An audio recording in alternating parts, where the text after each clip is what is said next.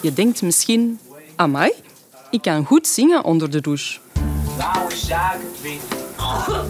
Helaas is dat enkel hoorbaar voor jou en heeft dat weinig met je zangtalent te maken.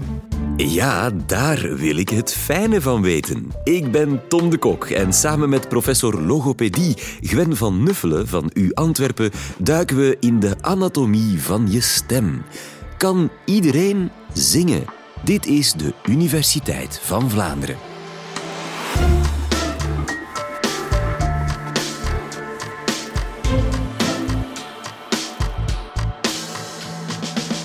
Wel laat me starten met goed nieuws. Want als mens zijn wij eigenlijk van nature gemaakt om te zingen. We beschikken als het ware over een eigen muziekinstrument. En dat muziekinstrument bestaat uit een geluidsbron en een klankkast. Nu, een geluidsbron is, zoals het woord het zegt, de bron of de oorsprong van het geluid. Denk bijvoorbeeld aan de snaren van een gitaar. Door die snaren aan te slaan, laat de muzikant de snaren trillen. Daardoor zal de lucht rond die snaren ook beginnen trillen. En zo ontstaan er geluidsgolven. Die geluidsgolven gaan zich verplaatsen in de ruimte waar je je bevindt. Nu, mijn gitaar heeft zes snaren en beschikt dus over zes verschillende geluidsbronnen. Andere muziekinstrumenten hebben ook vaak meerdere geluidsbronnen. Bijvoorbeeld denk aan een orgel. In tegenstelling tot die muziekinstrumenten beschikken wij als mens maar over één geluidsbron. En dat zijn onze stembanden of binnen de medische wereld spreken wij ook vaak over stemplooien. Ik zal deze termen door elkaar gebruiken. Yeah! Nu, we spreken over stembanden, stemplooien, want we hebben er twee. Eén aan de linkerzijde en één aan de rechterzijde van ons lichaam. Meer specifiek situeren die stembanden zich helemaal bovenaan de luchtpijp, ter hoogte van het schildkraakbeen. En dat kennen jullie beter als de adamsappel bij de mannen. Nu, vanuit het aanhechtingspunt aan dat schildkraakbeen kunnen die stembanden als het ware gaan bewegen als de benen van een scharnier. En ze kunnen gaan openen en sluiten. Wanneer we diep gaan inademen, om maximaal veel lucht in onze longen te trekken, gaan die stembanden maximaal opengaan. Wanneer we daarentegen gaan slikken, dan gaan die stemplooien actief gaan sluiten. En op die manier voorkomen ze dat eten en drinken in onze luchtpijp en onze longen terechtkomt. De stembanden vormen dus als het ware een horizontale poort tussen onze onderste en bovenste luchtwegen. Maar hoe zit het nu met onze stembanden als geluidsbron? Herinner u dat geluid geproduceerd wordt door een bron die trilt, zoals de snaren van een gitaar. Wel, onze stembanden die kunnen ook trillen. De mechanismen die daarachter schuilen zijn zeer complex en uiterst gesofisticeerd, maar vereenvoudigd kan u het zich als volgt voorstellen. Stel, u wil stem geven. Bijvoorbeeld een mooie do zingen. Wat gaat u dan doen? U gaat eerst inademen en uw stembanden gaan sluiten. De stembanden sluiten dus de poort. Vervolgens gaan onze longen die ingeademde lucht terug naar buiten duwen. Maar die lucht die botst tegen die gesloten deur. Aanvankelijk zal die poort veel weerstand bieden. Maar wanneer dat de luchtdruk onder die stembanden gaat toenemen, dan gaat die poort toch openen. Niet maximaal, maar wel heel kort en heel snel. Van zodra dat die poort terug sluit, zal de luchtdruk onder de stembanden terug toenemen en gaat die poort na een tijd weer opengeduwd worden. En zo ontstaat er een spel van zeer snel openen en sluiten van de stemplooien. En dat noemen we trillen. Op die manier produceren onze stemplooien een complexe geluidsgolf. En die geluidsgolf die bestaat uit een grondtoon samen met wat hogere, maar veel stillere boventonen. Nu, al die tonen die vloeien mooi samen, die zijn in harmonie en samen vormen ze ons stemgeluid. Nu, de toonhoogte van onze stem die wordt bepaald door de snelheid waarmee onze stemplooien trillen. Bij volwassen mannen bijvoorbeeld trillen die stemplooien gemiddeld 120 keer per seconde. Bij volwassen vrouwen daarentegen gaan die stemplooien gemiddeld 210 keer per seconde gaan openen en sluiten. Daardoor klinkt een vrouwenstem gemiddeld veel hoger dan een mannenstem en de oorzaak daarvan ligt bij de dikte of de zwaarte van de stemplooien.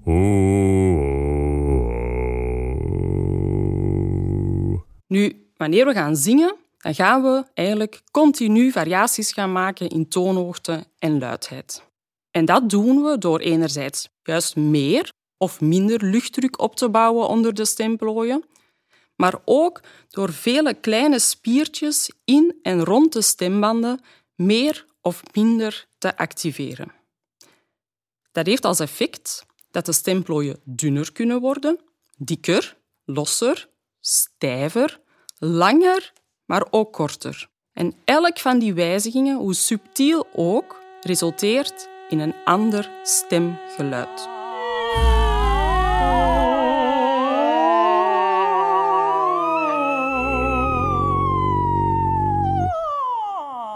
We weten nu dus dat gezonde mensen beschikken over een uniek instrument waarmee ze theoretisch in staat zijn om toonhoogte en luidheidsvariaties te maken en dus te zingen.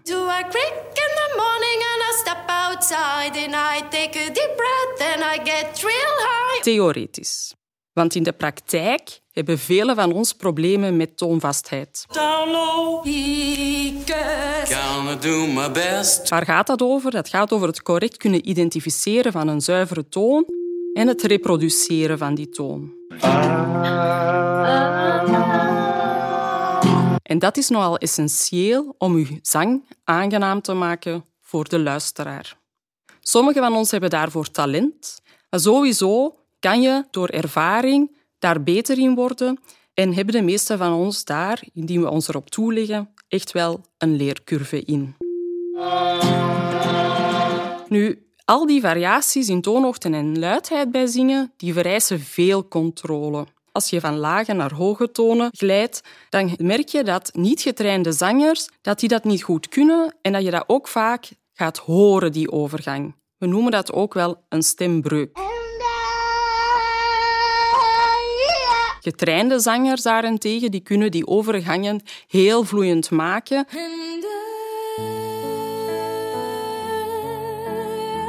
En kunnen daar ook continu met spelen. Wat professionele zangers ook kunnen ten opzichte van niet getrainde zangers, is in de hoge tonen gaan spelen met luidheid. Ze kunnen die toon zowel heel stil als heel luid gaan produceren.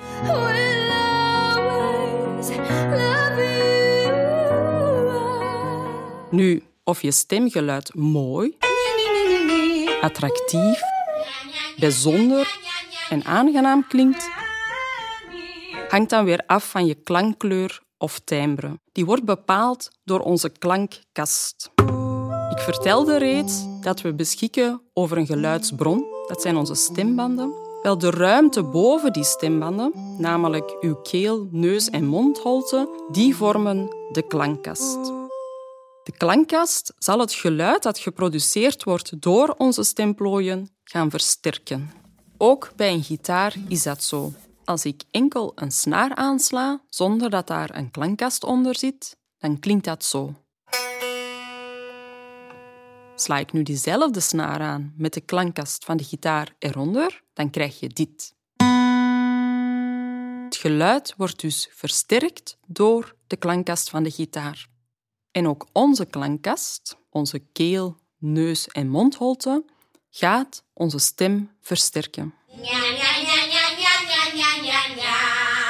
Herinner u dat onze stemplooien tegelijkertijd een grondtoon, maar ook die hogere, stillere boventonen produceren. En die vloeien mooi samen. Maar onze klankkast gaat bepalen welke van die boventonen meer versterking krijgen.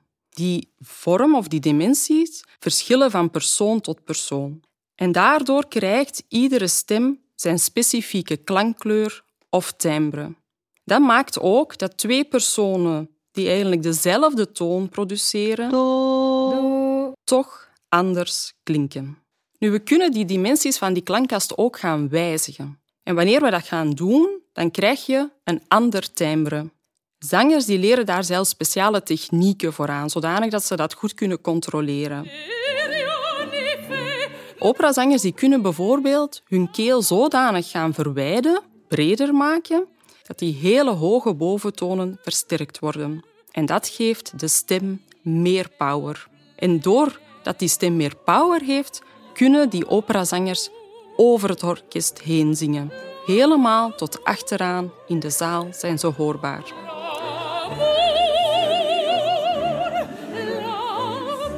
Dat fenomeen noemen we ook wel de zangersformant. Net als elke atleet, bijvoorbeeld zoals Nafitiam, door heel veel training haar lichaam volledig leert beheersen, elke beweging onder controle houdt voor maximaal resultaat. Deuxième performance mondiale de l'année. Leren ook professionele zangers hun geluidsbron en klankkast volledig te beheersen en te manipuleren. De vergelijking met topsport kan nog verder doorgetrokken worden. Zingen geeft immers ook een hoge mate van stembelasting. Zangers gaan hoge tonen produceren, maar ook luide. Ze gaan veel variaties in toonhoogte en luidheid maken. En ze gaan ook lang stem aanhouden. Ook een performance duurt al gauw meerdere uren. Denk bijvoorbeeld aan een concert dat toch al snel anderhalf uur in beslag neemt. En soms gaan die artiesten ook meerdere malen per dag optreden. Een opera duurt nog langer. Zo duurt Der Rozenkavalier van Richard Strauss in een uitvoering van Opera Vlaanderen in 2014 vier uur.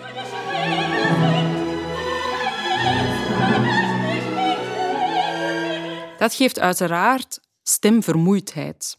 En we weten dat stemvermoeidheid reeds optreedt na 15 minuten stemgeven, met effectief een impact op de kwaliteit van de stem. Het is dan ook heel belangrijk dat zangers hun stem correct gaan gebruiken en dat ze leren wat de grenzen zijn van hun stem en deze ook gaan respecteren. So we're start here. Don't go higher than you can, don't go lower than you can. Anders ga je je stem gaan forceren en dat geeft een verhoogde kans op een fonotrauma. Een fonotrauma is een trauma, een letsel, ten gevolge van stemgeving. De eerste symptomen van zo'n fonotrauma zijn vaak het wegvallen van de hoge tonen en later volgt dan ook heesheid.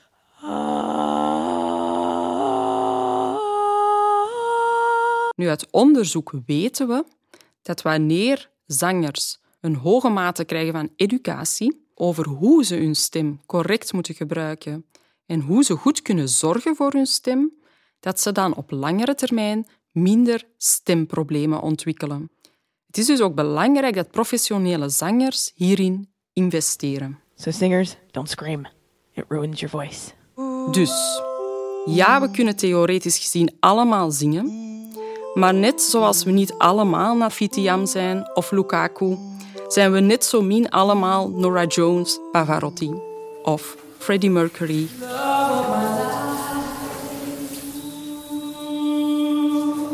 Of toch? Want klinken we niet allemaal zo onder de douche? Welcome to my bathroom. Daar heb ik helaas minder goed nieuws. Want ja, uw stem klinkt mooi, vol en luid onder de douche, maar dat heeft niets te maken met uw zangcapaciteiten. Maar alles met ruimteakoestiek. De meeste douchecabines zijn immers een quasi-gesloten ruimte. En ik heb al uitgelegd dat stemgeluid bestaat uit geluidsgolven. En die geluidsgolven, dat is eigenlijk energie. Wat je doet terwijl je aan het zingen bent, is dat je eigenlijk heel de tijd energie toevoegt aan die kleine ruimte. En die energie gaat zich opstapelen en daardoor klinkt jouw stem veel luider. Bovendien bestaan de meeste douchecabines uit glas en tegels. En dat zijn twee materialen die geluid enorm gaan weerkaatsen. En dat is bijvoorbeeld in tegenstelling tot een tapijt of gordijnen. Want wanneer je daar een muntstuk laat opvallen, dan krijg je juist een heel dof geluid. Maar laat je datzelfde muntstuk vallen op glas of tegels, dan krijg je meestal een rinkelend geluid en dat komt door die weerkaatsing. Die weerkaatsing van dat geluid die maakt in die douche vele echo's. En dat maakt je stem veel rijker, met meer versieringen. Nu, bovendien bent u zowel de bron als de ontvanger van het geluid in de douche. En u staat daarbij centraal. Dus u hoort uw eigen stemgeluid op maximale sterkte. En zo komt het dat uw stem zo mooi, zo vol en zo rijk klinkt.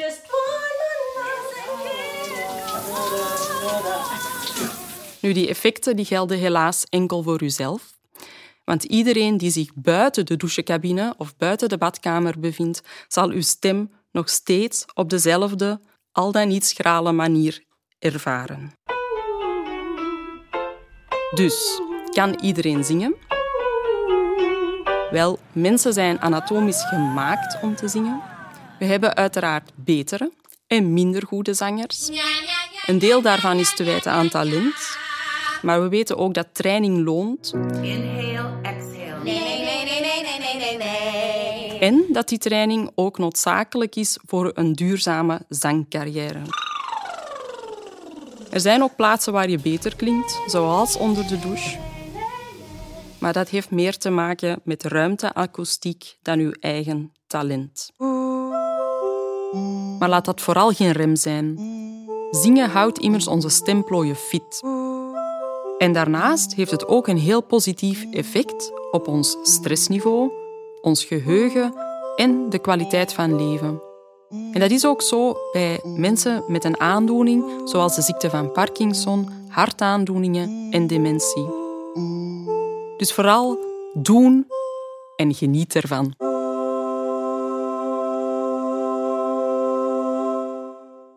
Dankjewel, professor Van Nuffelen. Kan je zelf goed zingen? Nee, Maar je doet het ook onder de douche met overgave. doe het absoluut onder de douche, in de auto Ja. Ja, en op andere onbewaakte momenten. Ja. ik, als ik het goed begrijp, dan is wat wij eh, zangtalent noemen vooral een anatomische aangelegenheid. Je bent ervoor gebouwd om echt goed te kunnen zingen of niet. Zo simpel is het. Nee, het zangtalent heeft te maken juist met het feit dat je melodie kan reproduceren, dat je toonvastheid hebt. Ehm, wat wel is, is dat het onze hersenen zijn die ervoor zorgen of dat je inderdaad eh, tonen kan juist percipiëren en reproduceren. Zijn er ook risico's verbonden aan zingen? Kan je het verkeerd doen? Ja, je kan absoluut verkeerd zingen. Zeker wanneer je buiten je eigen mogelijkheden gaat. Wanneer je probeert bijvoorbeeld te hoog te zingen. eh, je probeert een sopraan te zijn terwijl je een alt bent. Dat is eigenlijk nooit een goed idee. Je gaat dan je stem echt gaan forceren. Je gaat er te veel spanning. Hè. De spieren gaan te veel aangespannen worden. Ehm, en dat is niet goed, omdat je op die manier je systeem gaat echt forceren. En op die manier ga je echt een stemprobleem gaan ontwikkelen. Dus het is heel belangrijk dat zangers goed begeleid worden door hun zangpedagogen of indien nodig door de logopedisten. En hun mogelijkheden goed leren afbakenen en zich daar ook aan houden. En op zo'n moment dat ze merken dat eigenlijk hun stem te zwaar belast is, om daar ook aandacht aan te besteden. Wat ook belangrijk is, is, net zoals om terug te komen op de vergelijking met topsport, is atleten die gaan opwarmen en die gaan op, na hun inspanning ook een cool-down doen. En ook dat zijn twee zaken die eigenlijk absoluut noodzakelijk zijn om ja, uw stem op lange termijn goed te houden. Dus ook als u gewoon zelf thuis aan het zingen bent, wat u absoluut moet doen, maar let er dan toch op dat je de extreme niet opzoekt. Niet uh, te hoog, niet te luid gaan en ook niet te lang, zodanig dat je je stem uh, mooi blijft verzorgen en daar maximaal van kan blijven genieten. Kan je op elke leeftijd leren zingen? Ik zie daar geen belemmeringen. Nee. En het is ook goed, want wanneer we ouder worden, uh, heel ons lichaam verzwakt dan. Dat is ook, we hebben ook spiertjes die betrokken zijn bij stemgeven. Dus ook daar kan je een effect krijgen van veroudering. Um, en wanneer je meer gaat zingen, dan weten we dat, we dat je die spieren veel actiever houdt en dat je ook je stem uh, op die manier beter onderhoudt en de mogelijkheden maximaal houdt. Waarom vinden we het zo fijn om te zingen? Ik denk dat dat vele redenen heeft. Onder andere omdat dat ons gelukshormoon gaat stimuleren, de productie daarvan. Maar ook, denk ik, zingen doen we dan toch wel vaak samen. Um, en dat geeft natuurlijk dat heeft een sociale factor. Dus dat is ook een aspect, denk ik, dat je niet mag onderschatten. We zijn allemaal anatomisch beter gemaakt om te zingen dan we zelf soms zouden denken. Maar of je het dan ook goed kan, dat is nog maar de vraag. Heel graag tot een volgende keer.